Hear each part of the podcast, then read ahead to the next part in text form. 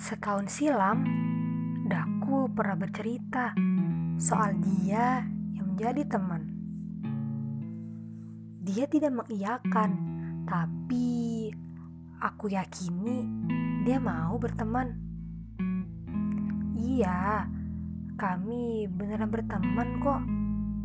Buktinya, kami menghabiskan waktu bersama, bercerita tentang kesukaan film, buku, sampai orang yang dia suka. Eh kami juga olahraga bersama kok. Bahkan aku juga sering menginap ke rumahnya. Begitupun dia.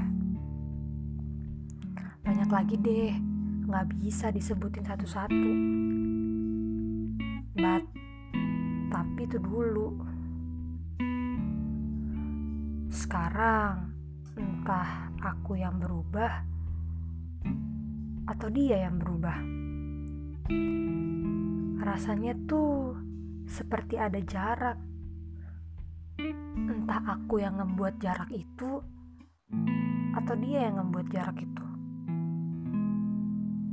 Tapi sepertinya dia biasa saja, seolah-olah nggak ada masalah.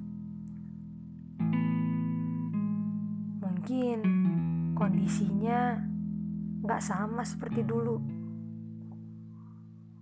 Eh, dan juga dia telah menemukan teman barunya. It's okay, nggak apa-apa. Huh.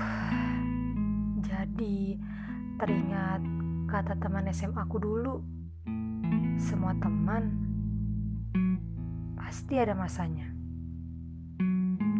mungkin ini kali ya. Kalau boleh mengajukan pertanyaan, mungkinkah kita berteman kembali?